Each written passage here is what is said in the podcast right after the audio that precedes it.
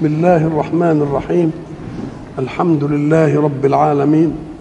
والصلاة والسلام على أشرف المرسلين وخاتم النبيين ورحمة الله للعالمين سيدنا محمد وعلى آله وصحبه أجمعين.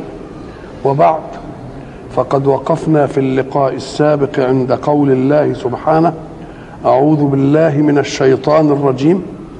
إنما مثل الحياة الدنيا كماء أنزلناه من السماء فاختلط به نبات الأرض. وقلنا إن الحق سبحانه وتعالى جاء بهذه الآية بعد أن قال لكل باغ إنما بغيكم على أنفسكم متاع الحياة الدنيا. فاربعوا إلى أنفسكم واعلموا أن بغيكم لن يدوم طويلا وإنما يسلمكم إلى شقاء أبدي. فأراد أن يضرب لنا بعد ذلك مثل الحياة الدنيا كلها. فقال إنما مثل الحياة الدنيا كماء حين تأتي بالمثل كلمة مثل قول شبه مضربه بمورده. يعني شيء نريد أن نمثله بشيء. لا بد أن يكون الشيء الممثل به معلوما. والشيء الممثل هو اللي بدنا نوضح صورته. ولذلك لا يصح أن نمثل مجهولا بمجهول. ما ينفعش. وإنما نمثل مجهولا بمعلوم. تيجي تقول له ألا تعرف فلان؟ يقول لك لا أعرفه. يقول هو مثل فلان في الشكل. يبقى المجهول أردت أن تعرفه فعرفته بإيه؟ بشيء معلوم. ولذلك بعض الذين يحاولون أن يعترضوا على القرآن دخلوا من هذه الناحية فقالوا إذا كان الشيء مجهولا ونريد أن نعرف به ألا نعرفه بمعلوم؟ نقول له طبعا هنقول له نعم. تقول له فما بال الله يقول طلعها كأنه رؤوس الشياطين. إيه اللي طلعها؟ يتكلم الله عن شجرة الزقوم. إن شجرة الزقوم طعام الإيه؟ الأثيم كالمهل يغلي في البطون كغلي الحميم.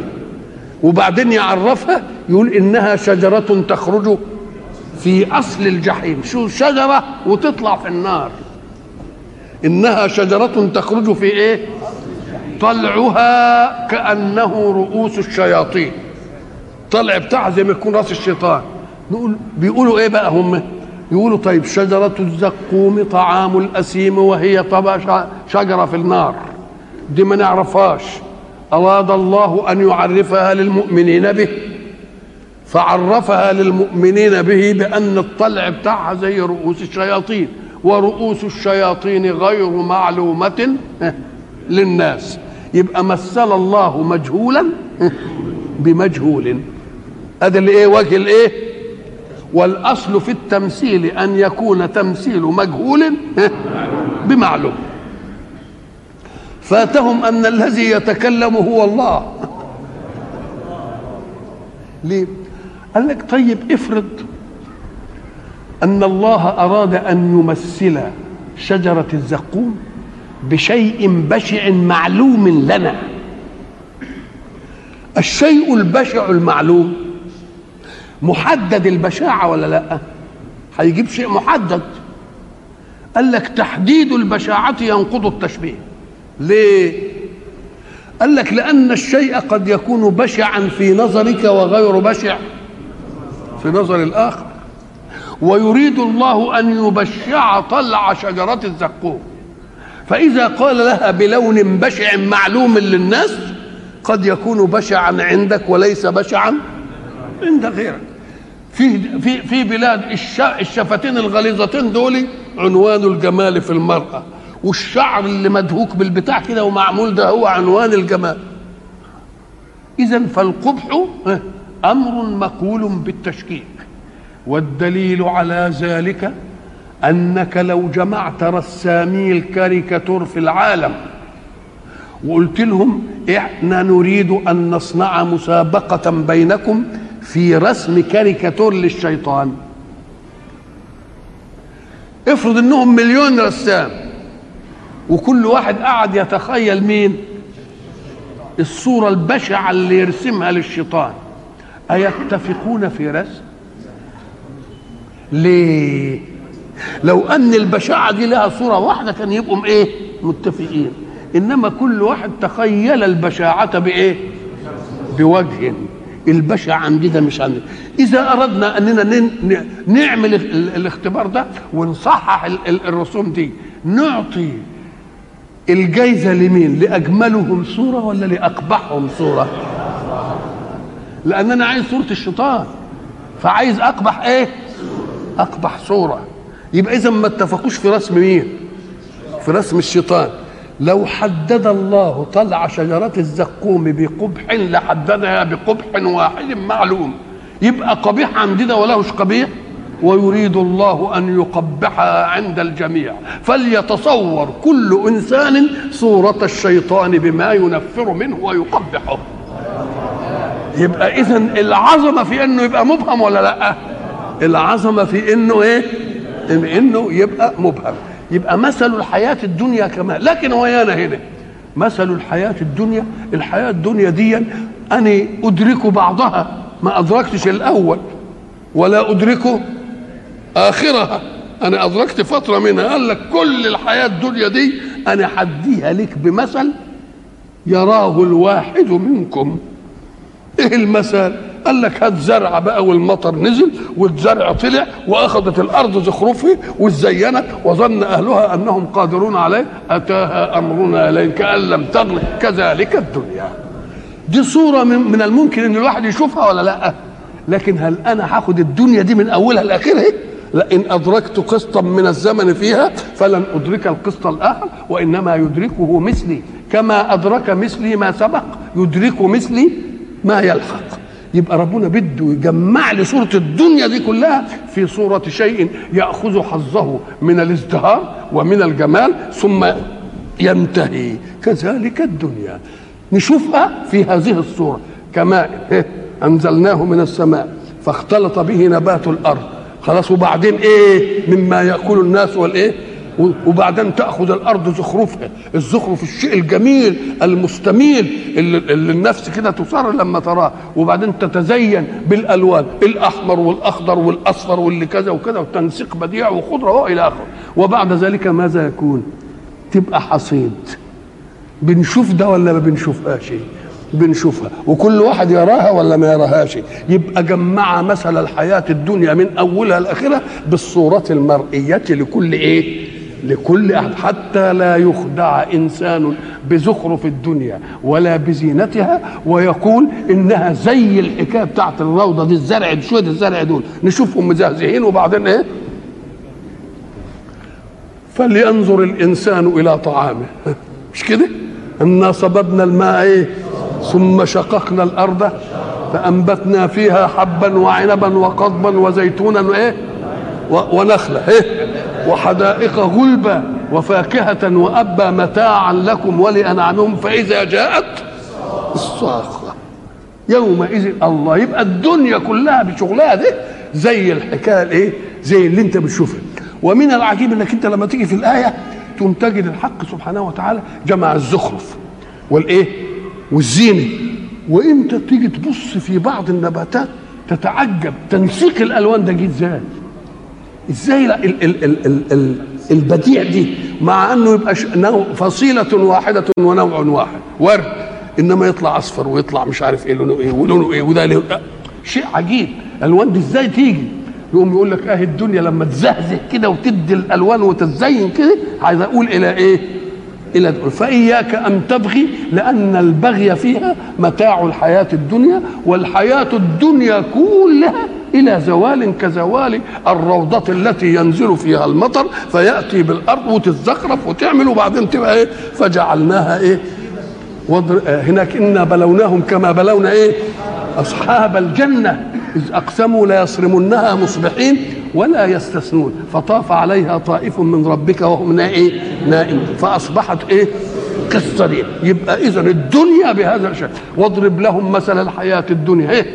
كماء أنزلناه من السماء فاختلط به نبات الأرض. فأصبح هشيما تذروه الرياح. وكان الله على كل شيء إيه؟ وكان الله على كل شيء مقتدرا. إنما مثل الحياة الدنيا كماء أنزلناه من السماء فاختلط به نبات الأرض أي بسببه نبات الأرض أو اختلط هو بنبات الأرض وبعدين النبات, النبات اللي هو كان موجود في الأرض ودبلان وبتاع لو لما ينزل عليه المية ويختلط بنبات ياخد الإيه؟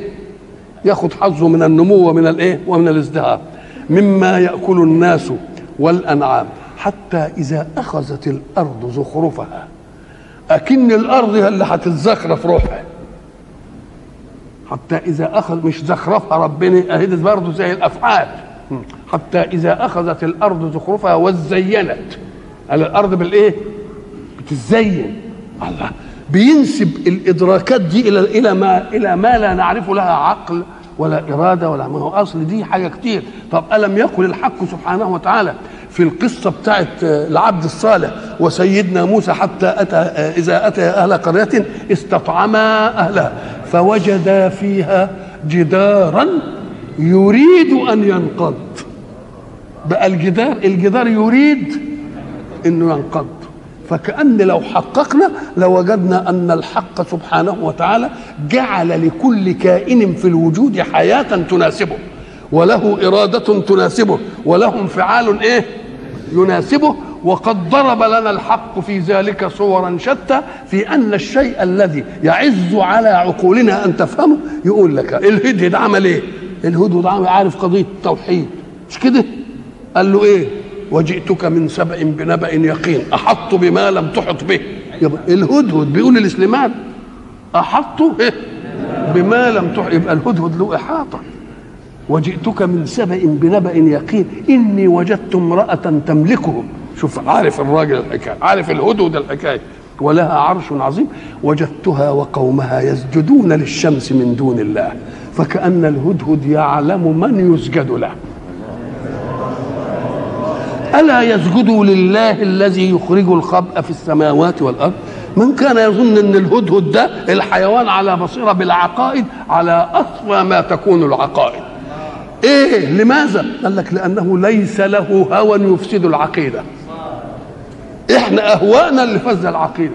اختيار البدائل بالعقل هو اللي فاسد العقيدة. إحنا مثلا زي ما قلنا مثلا تهبش قطة أو تأذيه. تعمل فيك إيه؟ تخربشك. ليس لها بديل إلا هذا. لكن أنت مثلا افرض واحد ضربك. تقدر تضربه زي القطة ما عملت. مش كده؟ وتقدر تكون الضربة بتاعتك أقوى وتقدر تطبطب عليه وتقول له الله يسامحك. أصلك أنت مش عارف إيه. معلش الله. ما عندك بدائل متعددة. البدائل إيه اللي بيصورها؟ التفكير والهوى. التفكير إنما الحيوان ما عندوش هوى. ملوش إيه؟ الهوى بتاعه. ولذلك إحنا قلنا هات حيوانا وقدم له طعامه واجعله يشبع. خلاص؟ ثم اعرض عليه ما شئت من لا يمكن يتناول حاجة. مش ممكن.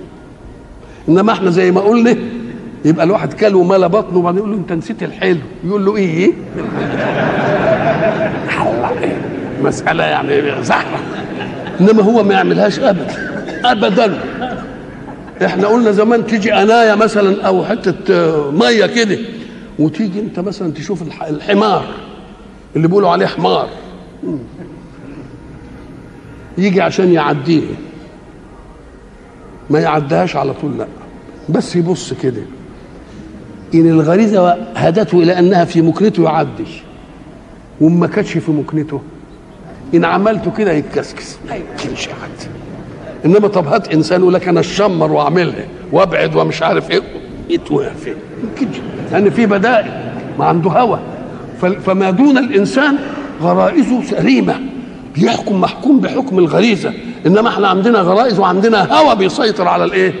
هوى بيسيطر على الإيه؟ على الغرائز. فالهدهد عارف قضية التوحيد كأصفى ما يكون المتصوفة. وجدتها وقومها يعملوا كذا. ألا يسجدوا لله؟ ومن العجيب ان هو يجيب الصفة اللي تهمه. ألا يسجدوا لله الذي يخرج الخبء في السماوات والأرض؟ طب اشمعنى يخرج الخبء في السماوات والأرض؟ قال لك لأن دي رزق الهدهد. عمر الهدهد. ما ياكل من على وش الأرض. ولذلك منقاره طويل عشان كده. يضرب في تحت كده عشان يجيب ال- الغذاء بتاعته. فهو بيجيب الناحية اللي إيه؟ الناحية اللي تهمه. طب والنملة ما قالتش مش عارف إيه. لا يحتمنكم سليمان وجنوده. وشوف دقة العدالة في تصورها قالت هم ما بيحتمكوش يعني ظلما لكم. هم لا يشعرون لانكم أنتوا يعني ما تبانوش تحت رجليهم يعني. الله. تبقى اذا اذا كل مسألة وكون في الوجود له حياة إيه؟ له حياة تناسبه. بس الآفة أننا نريد أن نتصور الحياة في كل كائن كتصورها في الكائن الأعلى وهو الإنسان. نقول له لا يا أخوة حياتك حياة الحيوان له حياة النبات له إيه؟ له حياة الجماد له إيه؟ حياة. وكل شيء في الوجود له حياة تناسب جنسه ونوعه. وقلنا ضربنا زمان مثل افتكروه كويس قلنا إن الحق سبحانه وتعالى حينما قال ليهلك من هلك عن بينة. ويحيى من حي عن بينة. يبقى الهلاك مقابل إيه؟ الحياة. ليهلك من هلك ويحيى. يبقى الهلاك مقابل للحياة على الأول والحياة مقابلة للموت. يبقى الهلاك يساوي إيه؟ يساوي الموت. بقى الهلاك مقابل مين؟ الحياة. والحياة مقابلها مين؟ يبقى الموت يقابل إيه؟ الهلاك. خلاص كده؟ إذا قال الحق سبحانه وتعالى في تصوير ال- ال- ال- ال- الحالة اللي تقوم في القيامة كل شيء هالك. كل شيء هالك إلا وجهه. الله كل شيء. يبقى الجماد هالك ولا مش هالك؟ الله يبقى اذا هو في الوقت قبل هذا ما كانش هالك. كان إيه؟ كان حي. الله يبقى كل شيء فيه إيه؟ حياة تناسبه. الآفة أنني أريد أن أعرف الحياة في الجماد كالحياة في إيه؟ فيها. حتى إذا أخذت الأرض زخرفها وزينت وظن أهلها أنهم قادرون عليها أتاها أمرنا ليلا أو نهارا. شوف الدقة بقى في الأداء. أتانا أتاها أمرنا ليلا أو إيه؟ أو نهار. أهي دي مثلا قبل العلم ما يتقدم ويثبت إن الأرض كورة وبتدور ومش عارف إيه وكل ليل مقابله إيه؟ نهار. كنا يعني المسألة له تنويع. لا أبدا. لأنها إن قامت ليلا عند قوم تكون نهارا عند مين؟ عند آخرين. آه ليلا إيه أفأم إقرأ. افامن أهل القرى؟ إيه؟ أن يأتيهم بأسنا بياتا وهم نائمون. أو امن أهل القرى أن يأتيهم بأسنا ضحى وهم؟ يعني هيجي في الوقت ده ويجي في الإيه؟ طب ولا يأتي ده هي هتأتي في وقت واحد. أم قال لك ما هيبقى عند جماعة بيات وعند جماعة إيه؟ وعند جماعة ضحى. كذلك ليلا إيه؟ أو إيه؟ أو نهارا. فجعلناها حصيدا محصودة زي الصريم ما قلنا مصرومة مقطوعة. فجعلناها حصيدا كأن لم تغن بالأمس. تغنى بالأمس يعني لم توجد. كأن لم ت... كأن ما كانش لها إيه؟ ما كانش لها وجود. كأن لم تغن بالأمس. كذلك نفصل الآيات لقوم يتفكرون. فإذا كانت الحياة الدنيا كلها عمليتها كلها زي العملية بتاعت شوية الزرع اللي تزهزه وتزخرف وبعدين تقول إلى إيه؟ فيجب أن تتنبهوا إلى أن كل زخرف إلى زوال وإياكم أن تفتنوا بزهزهة الدنيا في شيء فما دامت المسألة كده فإياكم أن تحرصوا على أن تبغوا لأن البغي متاع الحياة الدنيا والحياة الدنيا وصفها هو هذا كذلك نفصل الآيات لقوم يتفكرون. يتفكرون. إحنا عندنا مرة يتذكرون مرة يتفكرون مرة يعقلون مرة يتدبرون. كل دي عمليات بتتناول المعلوم الواحد في مراحل إيه؟ متعددة. التعقل إنك أنت تجيب المقدمات وتشوفها تجيب نتائج غيبية إيه؟ تطلع من المقدمات نتيجة. والتذكر تلق دماغك علشان الشيء اللي كان عندك ما تنساش. والتفكر إنك أنت تعمل الفكر. إيه الفرق بين الفكر والعقل؟ العقل أداة التفكر. العقل أداة الإيه؟ التفكر. يبقى التذكر كان عندي شيء ما تغفلش عنه. التعقل فيه مقدمات استنبط منها إيه؟ نتيجة. بواسطة إيه؟ بواسطة الإيه؟ بواسطة الفكر. التدبر ما تنظرش إلى ظواهر الأشياء بل انظر إلى إيه؟ لأنها من الدبر. أفلا يتدبرون القرآن؟ لا تنظر إلى الواجهة اللي تعطيها الآية. انظر إلى المعطيات الخلفية التي تعطيها الإيه؟ اللي تعطيها الآية. وما دامت الدنيا بالشكل ده ونهايتها بالشكل ده والمرجع والمصير إلى الله يبقى العاقل يعمل إيه؟ العاقل يعد نفسه بإنه حتى يتعب نفسه في الفني عشان إيه؟ يريح نفسه في الباقيه ولذلك إحنا قلنا المقارنات التجارية حتى المعادلة التجارية بينك بين الآخرة وبين الدنيا تلتفت تلاقيها الآخرة لابد أن ترجح. ليه؟ أم قال لك لأن الدنيا عمرك فيها مظنون. عمرك فيها؟ مظنون. ما تعرفش سنة اثنين عشرة عشرين ثلاثين أربعين؟ ما مسألة مظنون. وهي بطولها حتى مع كل الناس منتهية. لكن الآخرة مش منتهية. وأمرك فيها متيقن.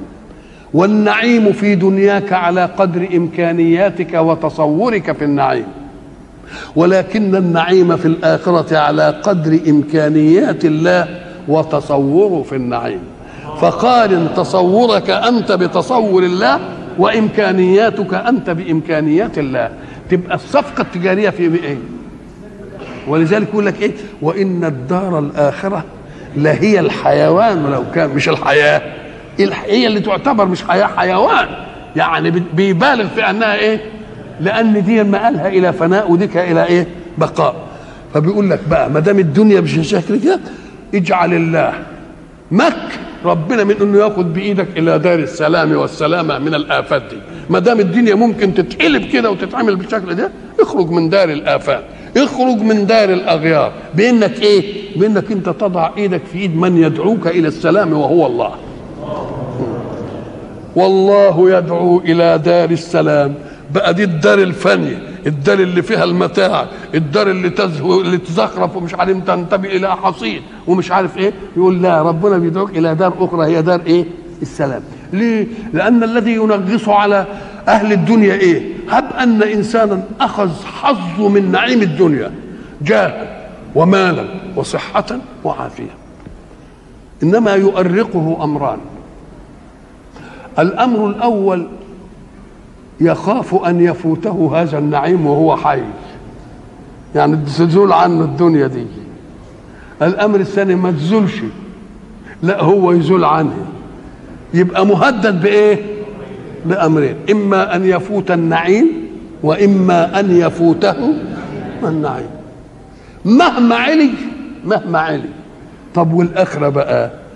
طب ده أنت هتشوف نعيم لا يفوتك ولا تفوتك يبقى دي اللي كفه راكحه بقى.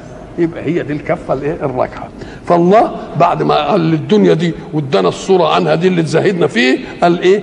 خد بالك بقى والله يدعو إلى دار السلام. دار السلام اللي هو قال فيها لهم دار السلام عند ربهم. يبقى السلام؟ آه السلام الأمن الاطمئنان. لا أنا خايف لا تفوتني النعمة ها ولا أنا هفوت النعمة. تبقى سلام ولا لا؟ طيب ما فيش فيها مشاغبة. ليه؟ لأن الناس بتشاغب ليه؟ بتتعب. بتعمل ليه؟ لأن في واحد له جد وجهد وثمرة جد وجهد وواحد عايز ياكل من الثاني ما فيش حد يا له جهد ولا حاجة. إننا كنا في الحياة نعيش بأسباب الله. ولكننا في الآخرة نعيش بالله. ساعة ما تيجي بقى يخطر ببالك الحاجة تلاقيها قدامك. تخطر الحاجة تلاقيها إيه؟ قدامك. يبقى أنت كنت عايش الأول بالأسباب والناس تختلف في استعمال الأسباب. فايه بيقول والله يدعو إلى دار السلام من كل هذه الآفات. دار السلام يعني دار الله. ما هو الله هو السلام. يبقى دار السلام يعني دار الله. طب إذا دعاك ولي أمرك إلى داره. هو اللي دعاك مش أنت اللي رحت تلقحت عليه. هو اللي دعا. يبقى ما دام يدعو يبقى بيعد. بيعد للمدعو على قدره ولا على قدر الداعي؟ هيجي كل ما يقول له انت بتاكل في بيتك فول ولا جبنة ويعمل له فول وجبنة وانت بتاكل إيه سمك؟ يجيب له سمك. لا ده بيعمل على إيه؟ على قدره. طب ما دام الله يدعو إلى داره وهو السلام يبقى هيعمل لنا إيه بقى؟ يبقى أشياء تناسب مين؟ تناسب قدره. والسلام بقى يبقى لا لا هتفوتني ولا إيه ولا هفوت. وكل شيء فيها سلام. كل شيء فيها سلام. الله سبحانه وتعالى لما الاسم هو اسم السلام. ولذلك هناك قال إيه سلام قولا من إن أصحاب الجنة اليوم في شغل إيه؟ هم وأزواجهم على الأرائك متكئون. لهم فيها فاكهة ولهم ما يدعون. سلام. اوعى تفتكر انه سلام من بشر لأن قد بشر قد يعطيك السلام وهو يكن لك غير السلام بيخدعك. أو قد يعطيك السلام وهو يريد بك السلام ولكنه من الاغيار فيتغير ويديك ضد السلام أو يريد بك السلام فلا يقدر. انما ده السلام قولا من مين؟ من رب لا يعجزه شيء ولا يعوزه شيء ولا تلحقه إيه؟ أغيار. والملائكة يدخلون عليهم من كل باب. سلام عليكم. ما هو واخدين سلام عليكم جايبينها منهم؟ ولا من باطن سلام الله؟ من باطن سلام الله. وتحيتهم فيها سلام. برضو من باطن مين؟ من باطن سلام. حتى أصحاب الأعراف اللي ما دخلوش الجنة لسه ووقفوا كده وشايفين أهل النار وشايفين. ونادى أصحاب الأعراف إيه؟ آه. قال سلام عليكم. طبتم. مش كده؟ لم يدخلوها وهم. برضه حتى بتوع الاعراف يقولوا سلام. الله. يبقى اذا المسألة كلها دار السلام. وفيها السلام والسلام من ممن قال ويضمن أن يفعل. مش قال ولا يضمن أن يفعل. طب واحد قام قال لك يا سيدي ادخل سلام عندك أنت في سلام. ويجي واحد تاني يقول لا ابن الكلام مش في سلام. الله. يجي واحد ينقض سلامه. إنما ما فيش حد يجير على الله. نعم. والله يدعو هو الداعي إلى دار السلام. وما هي الدعوة؟ إنه منهجه الذي أرسل به الرسل ليحكم به حركة الحياة إيه؟ حركة إيمانية. يتعايش الناس فيها. التعايش على وفق المنهج يجعل الدنيا دي جنة. اللي بيجعلها دنيا إيه؟ إننا بن... بنخطف من المنهج حتة فنشقى. ولذلك إذا رأيت مجتمعا فيه لون من الشقاء في أي جهة فاعلم أن منهجا لله قد عطل. لو أن المنهج كله ماشي كان ما يبقاش فيه عورة في الوجود ابدا. إنما اللي مخلي عورة في الوجود إيه؟ غفلة بعض الناس عن الإيه؟ عن منهج الله. إذا رأيت ناس فقراء مش لاقيين يأكلوا يبقى المنهج معطل. يا منهم يا من الناس اللي حواليهم. منهم كسلا. عاملين بلطجية ما تشتغلوش يا من الغير ظنا يبقى اذا كل ما تشوف عورة في المجتمع فاعلم أن إيه؟ منهجا قد عطل من مناهج مين؟ من مناهج الله. ولذلك إذا منهج الله سيطر على الحياة تبقى كأن كأن الحياة دي جنة. تبقى أن عشت فيها زي ما تروح في مين؟ زي ما تروح الجنة تمام. والله يدعو إلى دار السلام ويهدي من يشاء إلى صراط مستقيم. يدعو إلى دار السلام ويهدي من يشاء. آه. إمتى؟ يهدي في الدنيا دي ولا يهدينا آه فلا يهديهم طريق إلا طريق جهنم. فيه بقى في المقابل أهي. اذا الهداية نوعين هداية بالمنهج لك في الدنيا. ولما تقوم القيامة ربنا يهديك بالنور إلى طريق الإيه؟ يهديهم ربهم بإيمانهم إيه؟ آه تجري من تحتها الأنهار. يبقى إذا الله له هداية. اللي يأخذ منهجه في الهداية في الدنيا نورهم يسعى بين أيديهم وبإيه وبأيمانهم. يهدي من يشاء إلى صراط مستقيم. يهدي من يشاء. أم قال لك نعم. لأن المسألة لا تخرج أبدا عن مشيئة الحق. قوانين لا تحكم الحق. ولكن إذا كان الله قد بين من شاء هدايته. بيهدي مين ويضل مين أم قال لك ده ربنا لما قال والله لا يهدي القوم الايه الكافرين. والله لا يهدي القوم الظالمين. والله لا يهدي القوم الفاسقين. الله. يبقى إذا ما دام قد بين من يهديه يبقى المشيئة بانت بتاعته ولا لأ؟ فما تقولش ما دام هو اللي بيهدي إلى صراط مستقيم دول ذنبهم إيه؟ لأنك قال لك أنا أهدي اللي خد منهجي. وبين له طريق الجنة واقول له نورك يسعى كده ويوديه. إنما اللي ما خدش منهجي ما هديش. ليه؟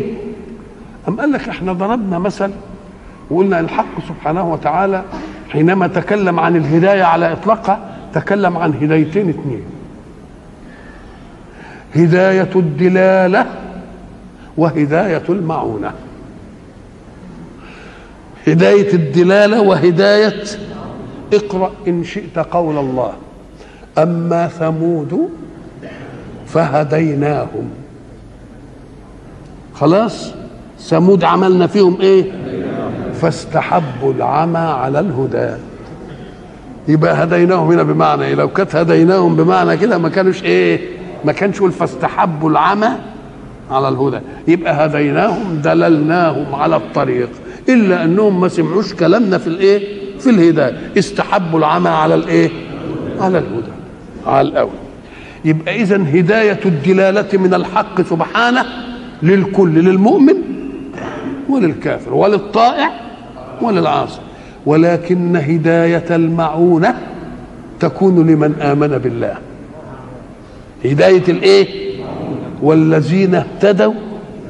يعني سمعوا هدايتنا بالمنهج زادهم هدى. الهدى اللي يزيدهم هو هدى إيه؟ هدى المعونة. يخفف عليهم الطاعات ويضع العراقيل أمامهم في سبيل المعاصي ويسيبهم رغم أنوفهم. وإذا كانت حاجة تتعبهم في الطريق يدي لهم الإيه؟ الملطفات. ولذلك يقول الحق سبحانه وتعالى بالنسبة لرسوله صلى الله عليه وسلم إنك لا تهدي ولكن الله ثم يقول له في آية أخرى وإنك لتهدي إلى صراط مستقيم. يبقى أثبت له الهداية مرة ونفى عنه الهداية مرة.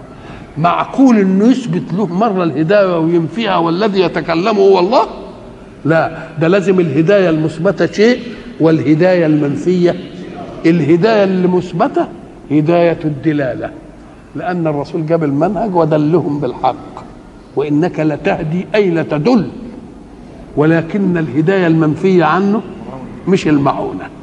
نعم.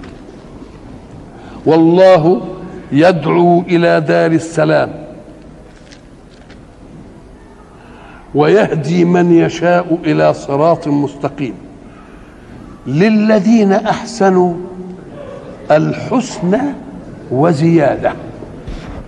للذين أحسنوا الحسنى. كلمة الحسنى زي ما تقول فلان امرأة فضلى. رجل أفضل وامرأة فضلى. رجل أكبر وامرأة يبقى كبرى. فعل دي أفعل إيه؟ أفعل تفضيل. مبالغة في الفضل. للذين أحسنوا الحسنى. يعني الحسنة الإيه؟ الزائدة. طب ما هي ما دام الحسنى وبلغنا فيه تبقى هي عشرة أمثال. مش كده ولا لا؟ طب وزيادة تبقى إيه؟ أم قال لك في حاجة؟ في الجزاء كادر للجزاء.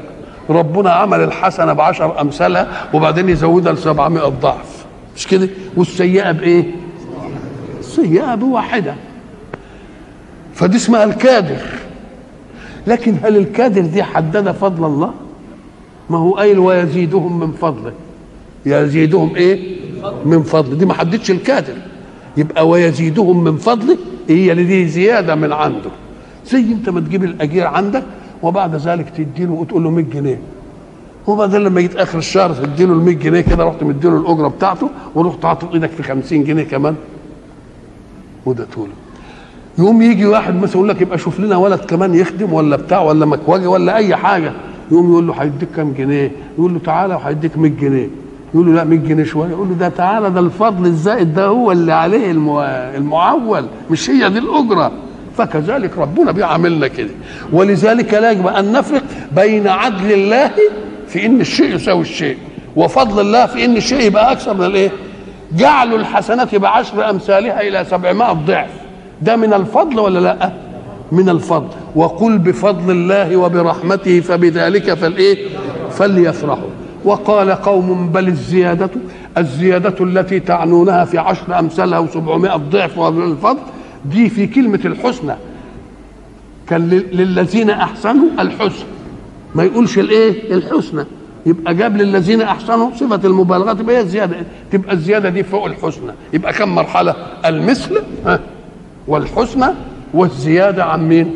عن الحسنى. قال لك أهي الحسنى دي اللي النبي قالها إن الله سبحانه وتعالى يتجلى على المؤمنين بأن يريهم وجهه.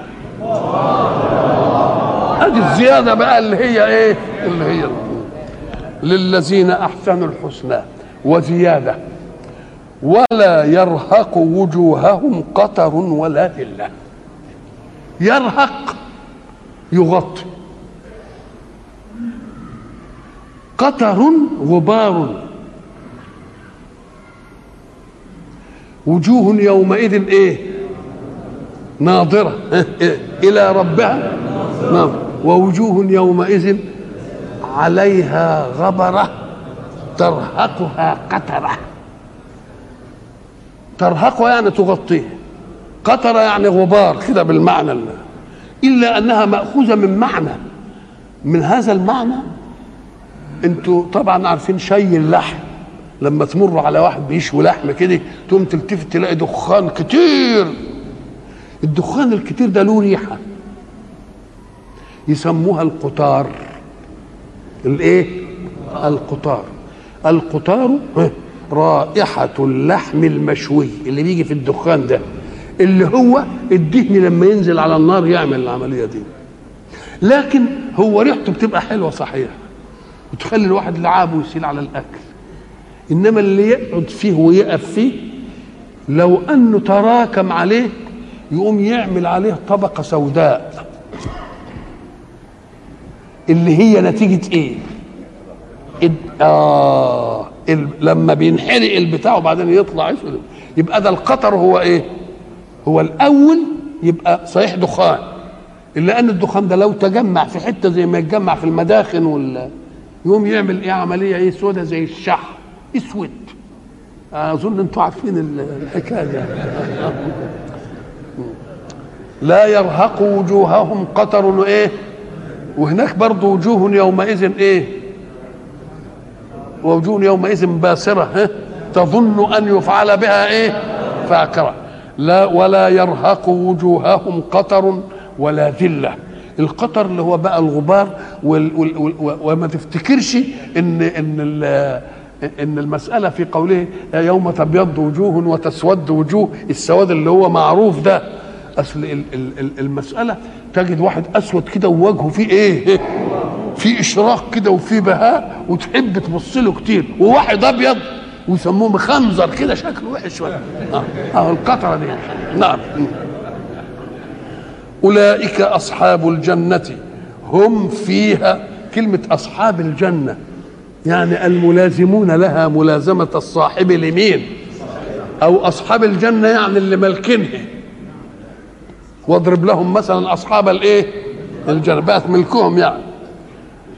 ولا يرهق وجوههم قطر ولا ذلة. أولئك أصحاب الجنة هم فيها إيه؟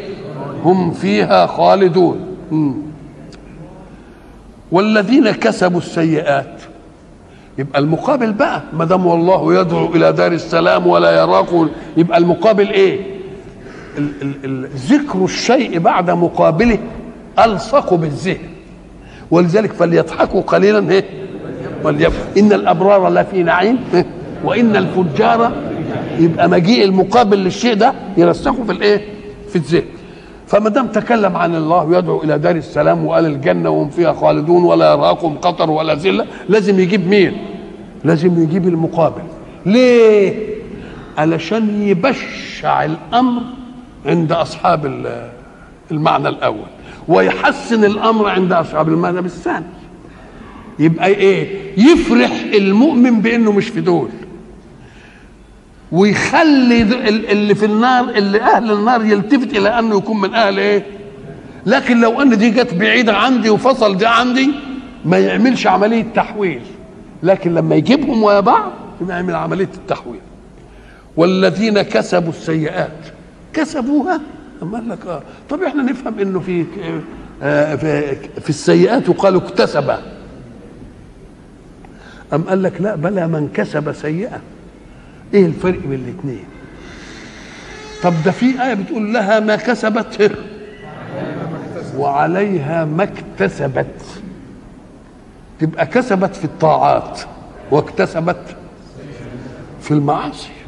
ليه بقى أم قال لك لأن الطاعة ملائمة للفطرة لا يستحي منها أحد. في واحد يستحي إنه بيتصدق في واحد يستحي إنه بيصلي إنما في واحد يستحي إن الناس تعرف عنه إنه بيرابي. يستحي إن الناس تعرف عنه إنه بيشرب خمر. يستحي إنه يعرف الناس عنه إنه هو بيكذب. اذا في الطاعات تبقى إيه؟ عملية ملائمة للإيه؟ للخير. فلما الإنسان يعملها يبقى عاملها بطبيعته كده ومنشرح. إنما لما يعمل بقى على سيئة. يبقى إيه؟ عايزة تفاعلات شتى في ملكات النفس. ولذلك افرض زي ما قلنا كده مثلا إن واحد مثلا بيبص للست بتاعته. بيبص للست بتاعته. ما فيش فيه ريبة. بيبص بيبص لبنته. بيبص لأخته.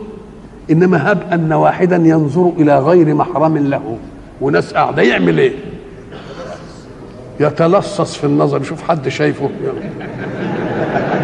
الله يبقى ما دام بيقعد يتفاعل الله. طيب اللي عايز يجيب حاجة من بيت أبوه أو من دولابه كده ويفتحه وياخد الشيء منه أمر طبيعي ولا لا؟ طب خليه حتى من أهل البيت وعايز يسرق فلوس من أبوه. يدخل الأوضة ويبص يشوف حد شايفه. ملكات بتشتغل كتير. يفتح دي مش عارف إيه؟ يبقى. اللي عايز يتفاعل الانفعال إيه؟ وعمليات كتيرة إيه؟ وملكات بتشتغل إيه؟ العملية اللي مش طبيعية. ولذلك حتى يمثلوا لنا كده يقولوا لنا ده القطة. لما تديها حتة لحم بإيدك تقف تاكلها في ريحك. طب وإن خطفتها؟ تجري يبقى إذا دل على أن الشيء المخالف هو اللي بيحصل فيه إيه؟ أهي اكتسب ديا فيها افتعال. لكن كسب ما فيهاش إيه؟ طب ما دام كده ما قالش اكتسب اكتسبوا السيئات. أم قال لك ما هي البلوى؟ أن تصير السيئة بالدربة عليها والاعتياد بقت سهلة ويعملها بدون انفعال ولا يبقى كسب اعتبرها كسب اعتبرها إيه؟ اهي دي بقت المصيبة وبقت حرفة وبقت إيه شو إيه بقت شغلانة. والذين كسب أو أنهم إذا ما وصلوا إلى مرتبة الاستهدار والتحلل يظن أن كل سيئة يعملها كسب له زي ما يجي مثلا فساق ويا بعضهم يقول له يا شيخ أما إحنا سهرنا ليلة امبارح. ويبقى مبسوط قوي. كانت كذا وكانت كذا وكانت كذا. ما هو مبسوط لأنه فاهم إنها إيه؟ انها إنها كسب له نعم والذين كسبوا السيئات. كسبوا السيئات. شوف رحمتنا حتى بهم. جزاء سيئة مثلها. شوف الفضل. جزاء سيئة بمثلها. وهداك هداك هناك لا ترهقهم إيه؟ قطر ولا ذلة. هنا إيه بقى؟ ما هي مقابل. وترهقهم ذلة. ما لهم من الله من عاصم. ما لهم يعني لا أحد يجير على الله. اللي عبدوهم مش هيجوا يقولوا لا بلاش أنت ما تعذبش. لا يعصمهم من عذاب الله أحد أو لا عاصم لهم ناشئ من أمر الله. يعني ربنا ما بعدين ما يقول يقول ما يقولش سيبوهم. ما لهم من الله من عاصم. كأنما أغشيت وجوههم قطعا من الليل. أغشيت يعني غطت. اتغطت وجوههم بقطع إيه؟ بقطع من الليل. قطع من الليل مظلمه اللي هي يوم تسود وجوه مظلما قال لك لأن الليل قد يكون منيرا بالبدر. فبيحتاط يقول لك لا. قال لك ده ليل وايه ومظلم وإلى لقاء آخر إن شاء الله.